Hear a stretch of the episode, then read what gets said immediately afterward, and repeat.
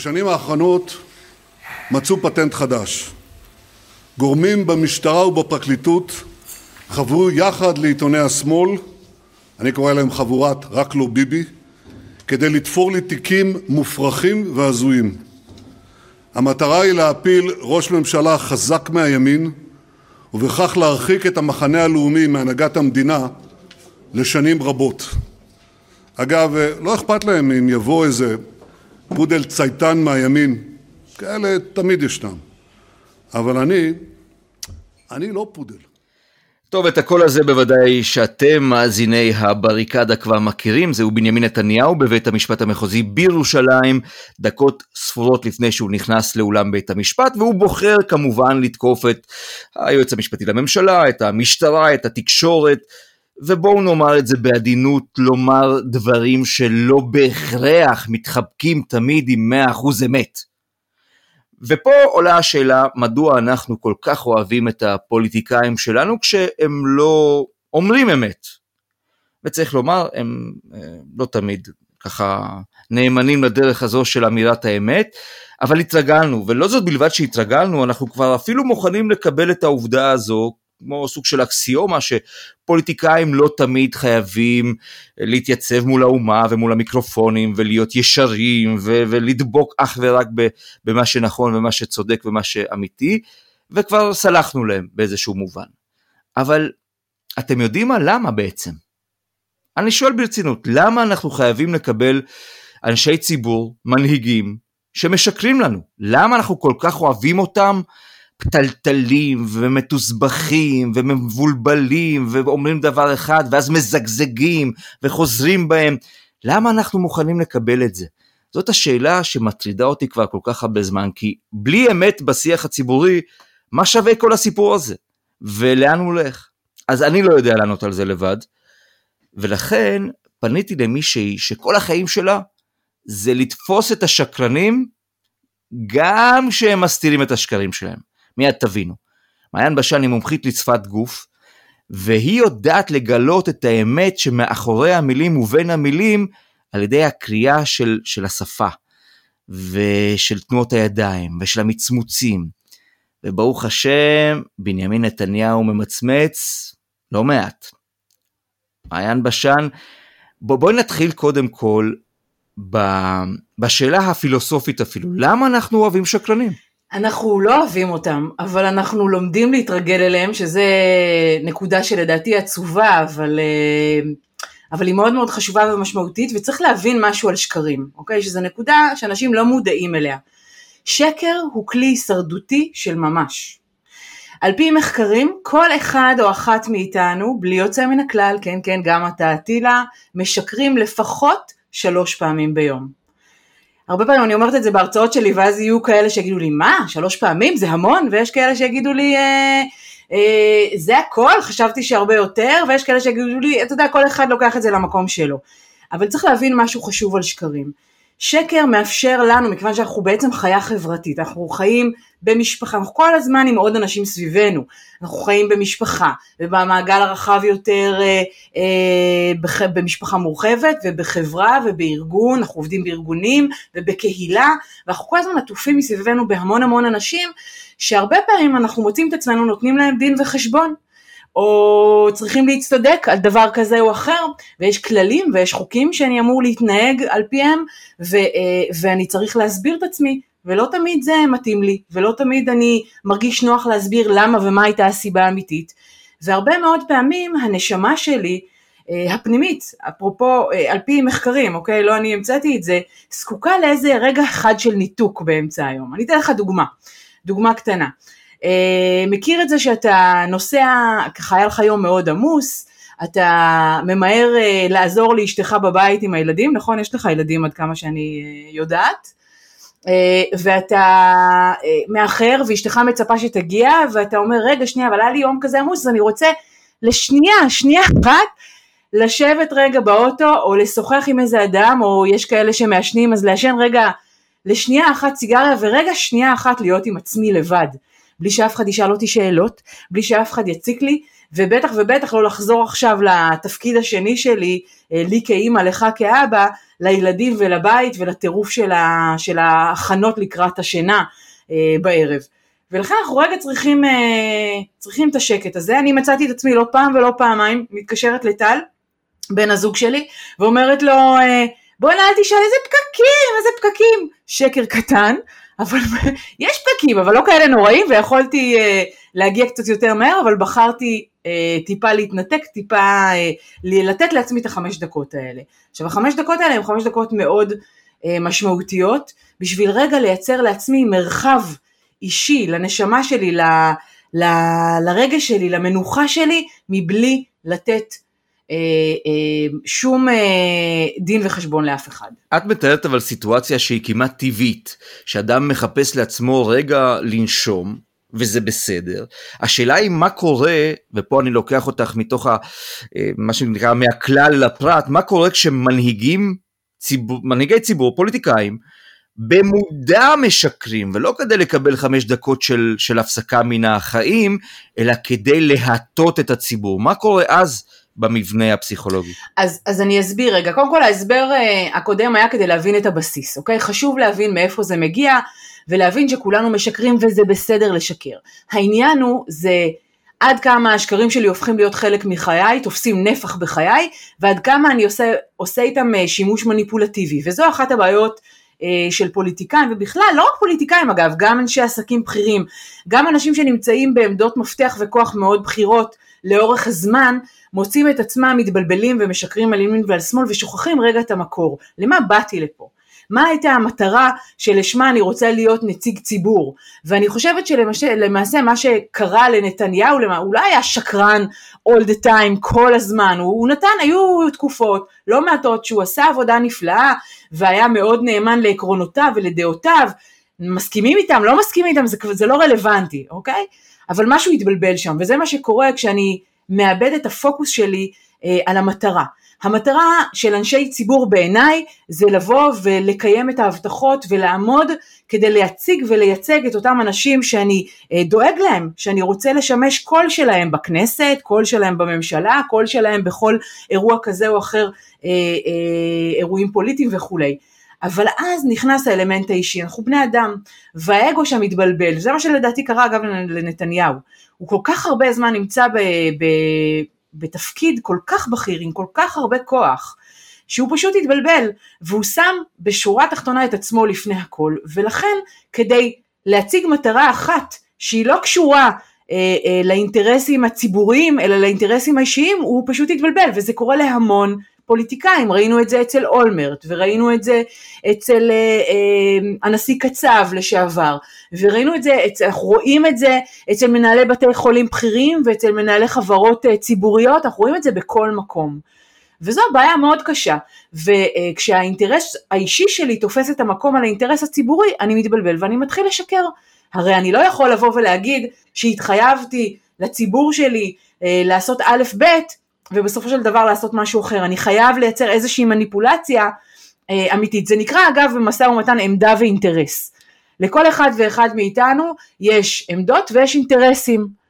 האינטרס זה מה שאני באמת רוצה ומאמין בו. העמדה זה מה אני מציג לקהל. ופוליטיקאים מציעים הרבה פעמים, מציגים הרבה פעמים עמדות שאינן קשורות ל... ל... לאינטרס האמיתי שלהם, כדי להרוויח עוד קול. כשאת מסתכלת על פוליטיקאי שמדבר, או על אדם כלשהו, שהוא מופיע מולך, מדבר, את קולטת מיד בשפת הגוף שלו שהוא משקר? רואים את זה מיד? אני רואה את זה מיד כי המוח שלי מאומן. צריך להבין משהו על שפת גוף. שפת גוף זו שפה מולדת, היא חלק מה-DNA שלנו, וגם אתה, טילה, וכל אדם ואדם באשר הוא נולד עם השפה הזו. העניין הוא שאנחנו חיים ב... בתקופה מטורפת, בעידן של וואטסאפים, פודקאסטים, טלפונים, אינטרנט, מיילים ונתיבים כפולים, ובאמת טירוף אחד גדול של עבודה וחיים פרטיים, ואנחנו כל כך עסוקים בטכנולוגיה, שאנחנו שוכחים להסתכל על הבן אדם שנמצא מולי. עכשיו כשאני אה, מביא את המוח שלי, לוקח בעצם את האינפורמציה הזו של, של הידע הזה, של השפה, מתת המודע ומביא אותו ל, לרמה, לרמת המודע ועושים את זה על ידי למידה ואימון, זה מאוד מאוד פשוט אוקיי? ברגע שאני לומד את זה, אז אני מאמן, ומאמן את המוח שלי, המוח שלי שולח למעשה סוג של נורה אדומה. כשאני מסתכלת על פוליטיקאי אה, ומנתחת אותו, באותו שנייה שהוא משקר אני אראה את זה, כי המוח שלי מספיק מאומן כדי להדליק לי נורה אדומה ולהגיד לי, אה, ראית? הוא שיקר. אה, ראית? הוא מצמץ, הוא יסתכל שמאלה למעלה, הוא יסתכל שמאלה למטה, יש המון המון סממנים שאנחנו צריכים לקחת אותם בחשבון, כמובן אה, זה עניין שוב של אימון, לקח לי למעלה מ-17 שנים להתאמן, ואני עדיין מתאמנת בכל יום, אה, ואני ממליצה את זה בחום מאוד מאוד גדול. אגב, אה, אנשים לא יודעים, אבל התחושות האינטואיטיביות שלנו, האינטואיציה שלנו, היא למעשה, אני, אני אה, מכנה אותה, את האינטואיציה, למעשה כשפת הגוף בשיא הדרה, אוקיי? מה זה אומר? מבחינה פיזיולוגית אני מקבלת אינפורמציה באמצעות החושים, האינפורמציה הזאת נכנסת אליי לתת המודע קודם כל, ומיד כתוצאה מזה נוצרת אצלי תחושת בטן, מה שנקרא אינטואיציה. אם זה יעניין אותי, האינפורמציה הזאת תעבור לרמת המודע ואז אני אתחיל לאבד אותה. הרבה פעמים מה, מה שקורה בפועל זה שאני קולט אינפורמציה אבל המוח המודע לא הספיק לאבד אותו ולכן אני זונחת את התחושה האינטואיטיבית הזאת, שמה אותה בצד והרבה פעמים מאמן את עצמי שלא במודע ממש להתעלם מהתחושות האלה אני שואלת אותך כמה פעמים יצא לך לראות בן אדם פעם ראשונה בחיים שלך לא לסבול אותו ושלא תהיה לך שום סיבה הגיונית להישען עליה. בעצם את אומרת אנחנו כמעט פיתחנו מנגנון שמדחיק את השקר גם אם הוא מולנו. זאת אומרת אנחנו יכולים לזהות בן אדם שהוא משקר לנו בפנים בלי למצמץ אפילו כמו שאומרים. עוד מעט תסביר לי שאני טועה כמובן כי ממצמצים כשמשקרים.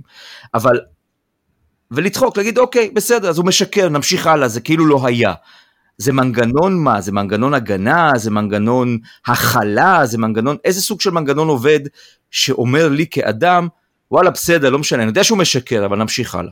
אה, אני לא יודעת אה, לשים את האצבע ולהגיד לך איזה מנגנון אה, ספציפי זה, אבל זה יכול לבוא מהמון המון טעמים. צריך לזכור ששפת הגוף היא השפה העיקרית שאנחנו מדברים אותה בכל תקשורת.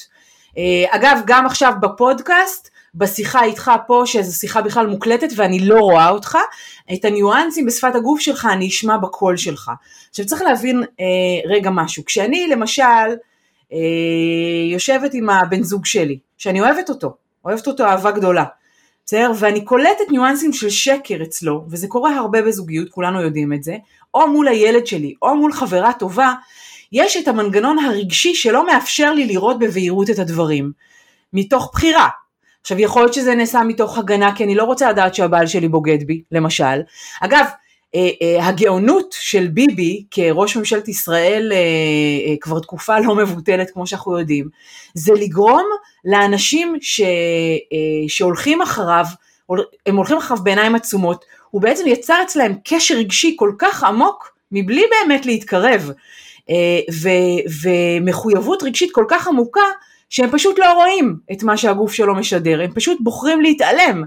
ולא רק להתעלם, גם הוא יגיד את הדברים בצורה בוטה. אגב, בנאום שהוא עשה עכשיו ממש, אה, הנאום האחרון אה, בבית המשפט, אחד המשפטים הראשונים שהוא אמר זה על אותם פודלים מהימין. למי הוא התכוון? הוא אומר לבוחרים שלו, לאנשים שעובדים איתו, לקבוצת הפוליטיקאים שעמדו מאחוריו ונתנו לו גוף, הוא מרמז שהם פודלים והם ממשיכים ועומדים מאחוריו בלי להתבלבל בכלל. עכשיו זה מדהים בעיניי, אנשים בוחרים לא לראות כי הם לא רוצים לפגוע באינטרסים העצמאיים, למשל אני משערת סתם, אני לוקחת למשל את מירי רגב. בסדר, מירי רגב היא לא אישה טיפשה. יש לה אג'נדה מאוד מאוד ברורה. והיא רוצה להתקדם קדימה במפלגת הימין ולהגיע לתפקידים ספציפיים ולכן היא תעשה את הכל גם אם זה אומר שהיא נותנת לבנימין נתניהו לרמוס אותה והוא עשה את זה לא פעם ולא פעמיים. תגידי כשאני מדבר על, על שפת גוף או שאנחנו מדברים על שפת גוף למה הכוונה זליגה רגשית? זליגה, בשפ... אני אסביר רגע את הרקע כי חשוב להבין את הקונטקסט, אוקיי? שפת גוף בגדול מתחלקת לשני חלקים, היא מתחלקת למקרו הבעות, שזה הבעות גדולות מכוונות, שאני עושה אותם מבלי להסתיר שום דבר, אני גם יכול ללמוד אותם, למשל אחד הדברים שאני עושה עם פוליטיקאים זה לעבוד איתם, ולעבוד איתם בדיוק על החלקים של המקרו הבאות. אה, שזה מקומות שאני יכול אה, לתכנן מראש כדי להעביר מסרים, להיות נואם טוב יותר, מרצה טוב יותר, איש עסקים טוב יותר, איך אני מייצר פוליטיקאי, אה, איך אני מייצר שיחות פוליטיות ומשפיע יותר בשפת הגוף שלי, איך אני שותל מסרים תת-הכרתיים אצל הבוחרים שלי למשל, אלה דברים שאני יכול לעשות במקרו הבאות. זליגה רגשית הכוונה היא דווקא לחלק של ה-20 אחוזים, של המיקרו הבאות. מיקרו הבאות הן, הן זליגה מתוך התת מודע, אין לי עליהם שליטה. אפילו לביבי, שהוא באמת גאון ומחונן בשפת גופו, כי הוא הלך ולמד את זה הרבה מאוד שנים, אה, אה, אובמה למשל, קלינטון למשל, ולא מעט מרצים שאני מכירה שבאמת יעשו עבודה נפלאה עם, ה, עם הגוף שלהם, עדיין יש 20 אחוז של זליגה מתוך התת מודע של זליגה רגשית. ואגב, זה החלק שאני מחפשת, אני על זה נתפסת.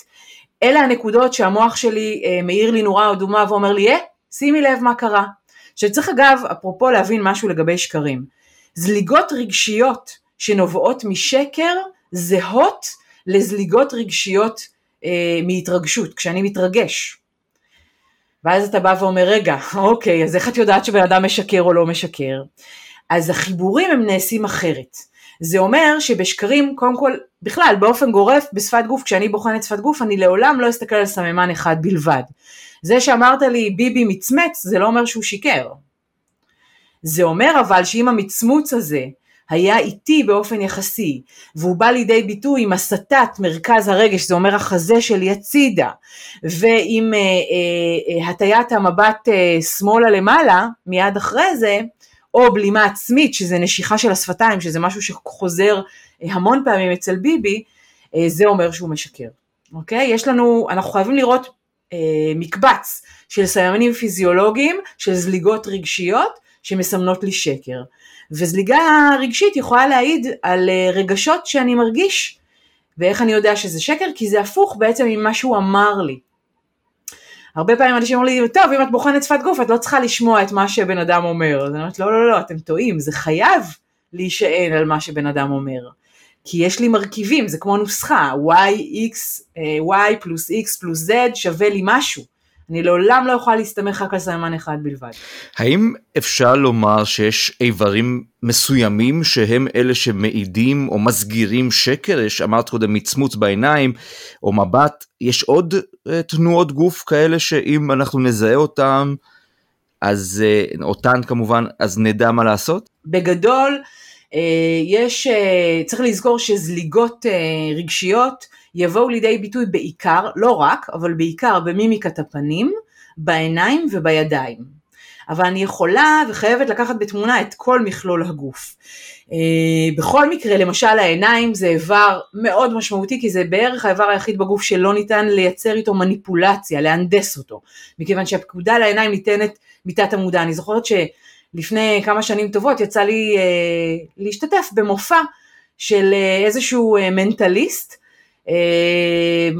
זה היה מדהים, הוא היה מחובר לאלקטרודות והוא הפסיק את פעימות הלב שלו מלפעום והחזיר את הלב שלו לפעום במודע באמצעות ה mind, זו שליטה מטורפת של, של המוח, על המוח, של המוח ו, אמ, וזה מדהים כי אנחנו יכולים באמצעות עבודה על המוח שלנו אה, ממש לשלוט באיברים חיצוניים ובאיברים פנימיים, אבל העיניים זה האיבר האחד היחיד שאני לא יכול לשלוט בו, ולכן אני ממליצה, אם אתה רוצה למשל לזהות שקרים אצל בן אדם, תסתכל בעיניים.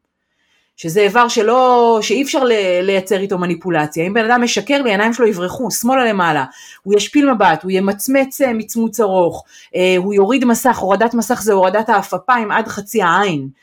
אמ, ו, ואת כל הסממנים האלה אני יכול לראות בעיניים. כנות אני אראה בעיניים, כי בן אדם יישיר מבט. אגב, הישרת מבט מוגזמת, מופרזת, יתר על המידה, תעיד בדיוק על ההפך. אוקיי? זה גם יכול להיות סממן של שקר, כי הרבה פעמים, למשל פוליטיקאים שעושים עבודה, הם נסו להחזיק את העיניים ולהסתכל, זה בסוף יברח, כן? בסוף העיניים יקפצו לאנשהו, אבל uh, הרבה פעמים אני מנסה ממש ככה להישיר מבט ולהסתכל uh, uh, מבט חודר כזה לתוך העיניים, ואני ממש מתאמץ להחזיק את העיניים ואפשר לראות את זה, וזה גם סיימן מוגזם ולכן הוא יעיד אה, מבחינתי על הפוך, על ההפך ממה שאותו בן אדם אומר או מתכוון, ויכול להיות מאוד שזה קשור לשקר. יש עוד סיימנים, למשל ידיים, פנים כף היד למשל משקף את התת מודע בשפת גוף. והרבה פעמים אנחנו נראה, לפחות עשו המון מחקרים על זה וגילו שבן אדם שמשקר ברגע האמת, הוא יתקשה מאוד מאוד אה, לחשוף את פנים כף היד, את החלק הפנימי של כף היד. ולכן אנחנו נמצא אנשים שכשהם משקרים הם ינסו להסתיר את הידיים, יכניסו ידיים לכיסים, ישבו עליהם, ישימו אותם מאחורי הגב, אה, ישלבו ידיים, יעשו כל מה שהם יכולים כדי להסתיר את פנים כף היד. זה אגב גם סיימן מאוד מובהק לשקר. ובעיקר החיבורים, החיבורים, זה אומר שאם אני עכשיו אומרת לך, טילה, אני אוהבת אותך, ותוך כדי זה בורח לי, בורחת לי מיקרו הבאה של סלידה מהפנים, אה, ותכף אני אסביר על שבע טבעות הבסיס אם תרצה, אז, אה, אז אני בעצם, יש חוסר הלימה בין מה שאני אומרת לך למה שהגוף שלי משדר, ולכן זה שקר. בכל דבר ועניין. עכשיו אמרת קודם שצריך לשמוע גם את, את, את השקר צריך לשמוע אותו בעצם כדי לזהות אותו צריך לשמוע גם את הדברים והכנת לנו שני קטעים ואני רוצה שתתייחסי אליהם אם אפשר. אוקיי, okay, מעולה. אז אני אה, אסביר רגע. אחד החלקים בשפת גוף שאנשים לא מתייחסים אליהם בדרך כלל זה הקוליות. הקול שלי, איך אני נשמע, מה קצב הדיבור שלי, אה, מה הטונציה שלי, שזה המנגינה של, ה, של הקול, מה גובה, מה עוצמת הקול. אלה ניואנסים שמשקפים לי בעצם, אם תנסו לדמיין את הקול שלי כמגפון, שמשקף, מגדיל ומעצים את תנועות הגוף שלי. עשו איזשהו מחקר בארצות הברית, לפני כמה שנים טובות במוקד של אנשי מכירות ואנשי שירות. אה, ואמרו לקבוצה, אה, במוקד טלפוני, שאנשים בעצם מוכרים דרך הטלפון, או נותנים שירות דרך הטלפון.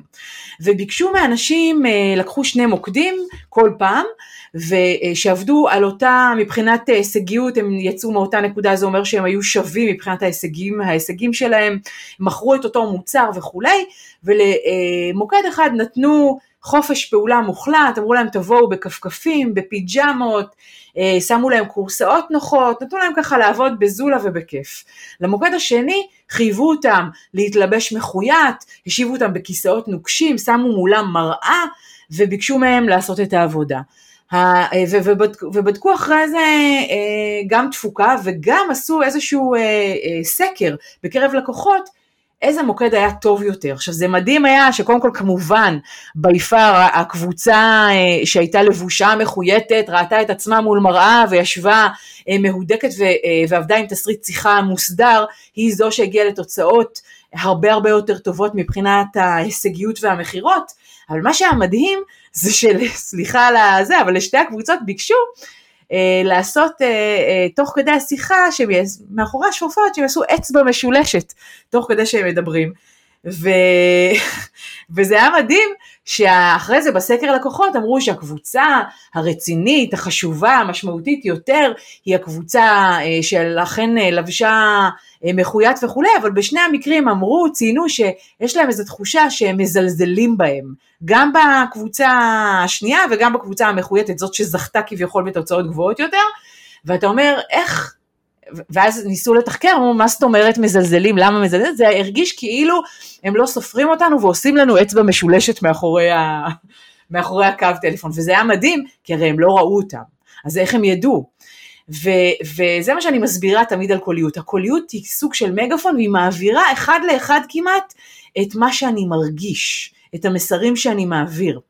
ו, ואני אשמח מאוד אם רגע, לפני שאנחנו נכנסים לעומק הדברים ומדברים על קוליות, אם אה, נוכל לשמוע שני קטעים אה, שהצעתי שנשמיע, אה, של מריון ג'ונס, מריון ג'ונס היא אלופה אולימפית, שזכתה במספר מדליות לא מבוטלות באולימפיאדת סידני ובעוד כמה אולימפיאדות. בסופו של דבר גילו, היה חשד שהיא לוקחת סמים והיא הכחישה כל הכחשה, ואני רוצה רגע שנשמע את החלק הראשון ואז נעבור לחלק השני. בואי נשמע. more in sadness than in anger. And I have done all I can do to provide USADA with information that I have knowledge of because I believe in a drug free sport. I have truthfully answered every question asked of me under oath. If the truth is told, then my name will be cleared and I can move on. אוקיי, okay, אז אם, אם שמתם לב, החלק, בחלק הראשון מריון ג'ונס מדברת בצורה מאוד שוטפת, אחידה באופן יחיד, אפילו, אה, אפילו טיפה מנותקת, ואתה אומר, רגע, שנייה, שנייה.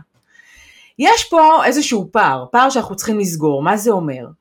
הבחורה נאבקת כביכול על החיים, אה, על הקריירה שלה, קריירה שהיא עבדה מגיל מאוד מאוד צעיר עליה, ההישגים שלה, רוצים ללכת ולגזול ממנה את אה, ארבעת או חמשת המדליות שהיא זכתה בהן באולימפיאדיות, זה כל, זה כל הקריירה שלה בעצם, שהיא עובדת עליו מילדות, מגיל מאוד מאוד צעיר, אז איך יכול להיות שהיא כל כך רגועה ושלווה? ואנחנו שומעים שמנעד הכל מאוד מאוד יציב, אחיד, והוא לא משקף את הסיטואציה.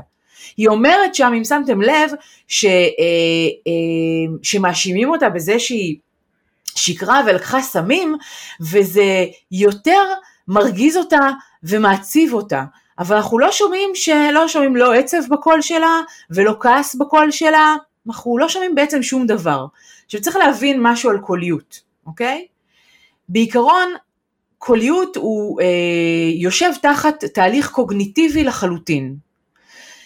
זה תהליך מוחי קוגניטיבי שעובד, ונורא נורא תלוי מי שולט על התהליך, על תהליך הזה של הדיבור. זה יכול להיות פעם אחת השכל, זה יכול להיות פעם אחת הרגש, ואפילו יש שלב שהוא שלב ביניים שלא החלטתי מי שולט על תהליך הדיבור, האם זה הרגש או השכל. כשהקוליות שלי נשלטת על ידי המוח, המודע, אנחנו נשמע בעצם אחידות בקוליות. אנחנו לא נשמע עליות וירידות מוקצנות בגובה הקול או בעוצמת הקול, אנחנו אה, אה, נשמע סוג של מונוטוניות בקצב הדיבור ובשטף הדיבור, תהיה איזושהי אחידות, כמו שאגב אנחנו מדברים עכשיו, אתה ואני, המוח הוא זה ששולט על תהליך הדיבור ולכן אה, אה, אנחנו פשוט מחוברים לשכל, כי אני מדברת על המקצוע שלי ועל התובנות המקצועיות שלי, ואתה עוסק בתחום שלך ומדבר איתי ומשוחח איתי ומעלה את התהיות ואת השאלות שלך. כך שהשכל הוא זה ששולט אצלנו על תהליך הדיבור. וזה מה שקרה באירוע הזה אצל מריון ג'ונס, מה ששמענו ממש לפני שנייה. מריון ג'ונס אה, נתקע את עצמה רגשית בסיטואציה הזו, וענתה בצורה מאוד מאוד יבשה, נתנה לשכל לשלוט על תהליך הדיבור. הרגש לא בא לידי ביטוי. עכשיו, מבחינת הסיטואציה, יש פער מאוד גדול, כמו שאמרתי מקודם, בין הסיטואציה למצב הרגשי הנתון שלה, ולכן ברור שבמקרה הספציפי הזה, הקוליות שלה הסגירה את השקר שלה. אוקיי? אם אנחנו עכשיו נשמע את החלק השני שלה, בואו נשמע רגע את החלק השני, שבו היא כבר מודה ומתוודה שהיא לקחה סמים, היא מתנצלת בפני, ה, אה, בפני ה, אה, המעריצים שלה והאנשים שהאמינו בה, בואו נשמע את החלק השני רגע.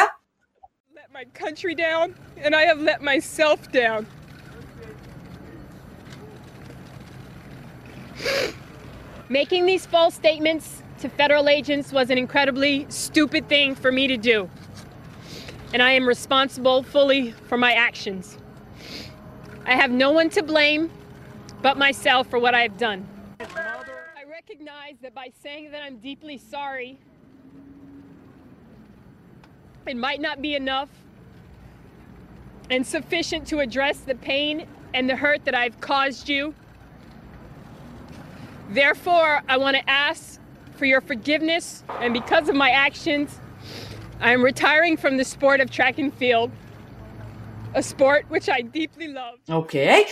אז בחלק השני, כמו שאנחנו שומעים, אנחנו כבר רואים שיש ממש מי ששולט על תהליך הדיבור זה הרגש, יש עליות וירידות בגובה הקול, בעוצמת הקול, יש אה, בליעה של הרוק, יש אה, קיטועי דיבור, עצירות, אנחנו שומעים ממש את הבכי, את הכיוון, צריך להבין שכשבן אדם נמצא בסערה רגשית, מה שקורה בפועל אם אני רוצה ואם אני לא רוצה זה שרמת השרירים שלי, טונוס השרירים שלי עולה משמעותית, מה שמייצר לי נזילה של נוזלים מתוך הגוף, זה אומר אה, ריור יתר, זה אומר דמעות, דמעות, זה אומר אה, אה, אה, זליגה מהאף של נוזלים, ולכן הכל נורא מכווץ, ואת זה אני אשמע בקול שלי, כי זה כל המערכת, אף אוזן גרון, זה כל המערכת הזאת שהיא ביחד, וברגע שטונוס השרירים שלי גבוה כי אני בהתרגשות, או כי אני בעצב, או כי אני בכעס, אז, אז כל המערכת הזאת עובדת, ואני אשמע את זה בקול שלי, גובה הקול יעלה, מהירות הקול תתעצם, אה, איכות הדיבור שלי אה, אה,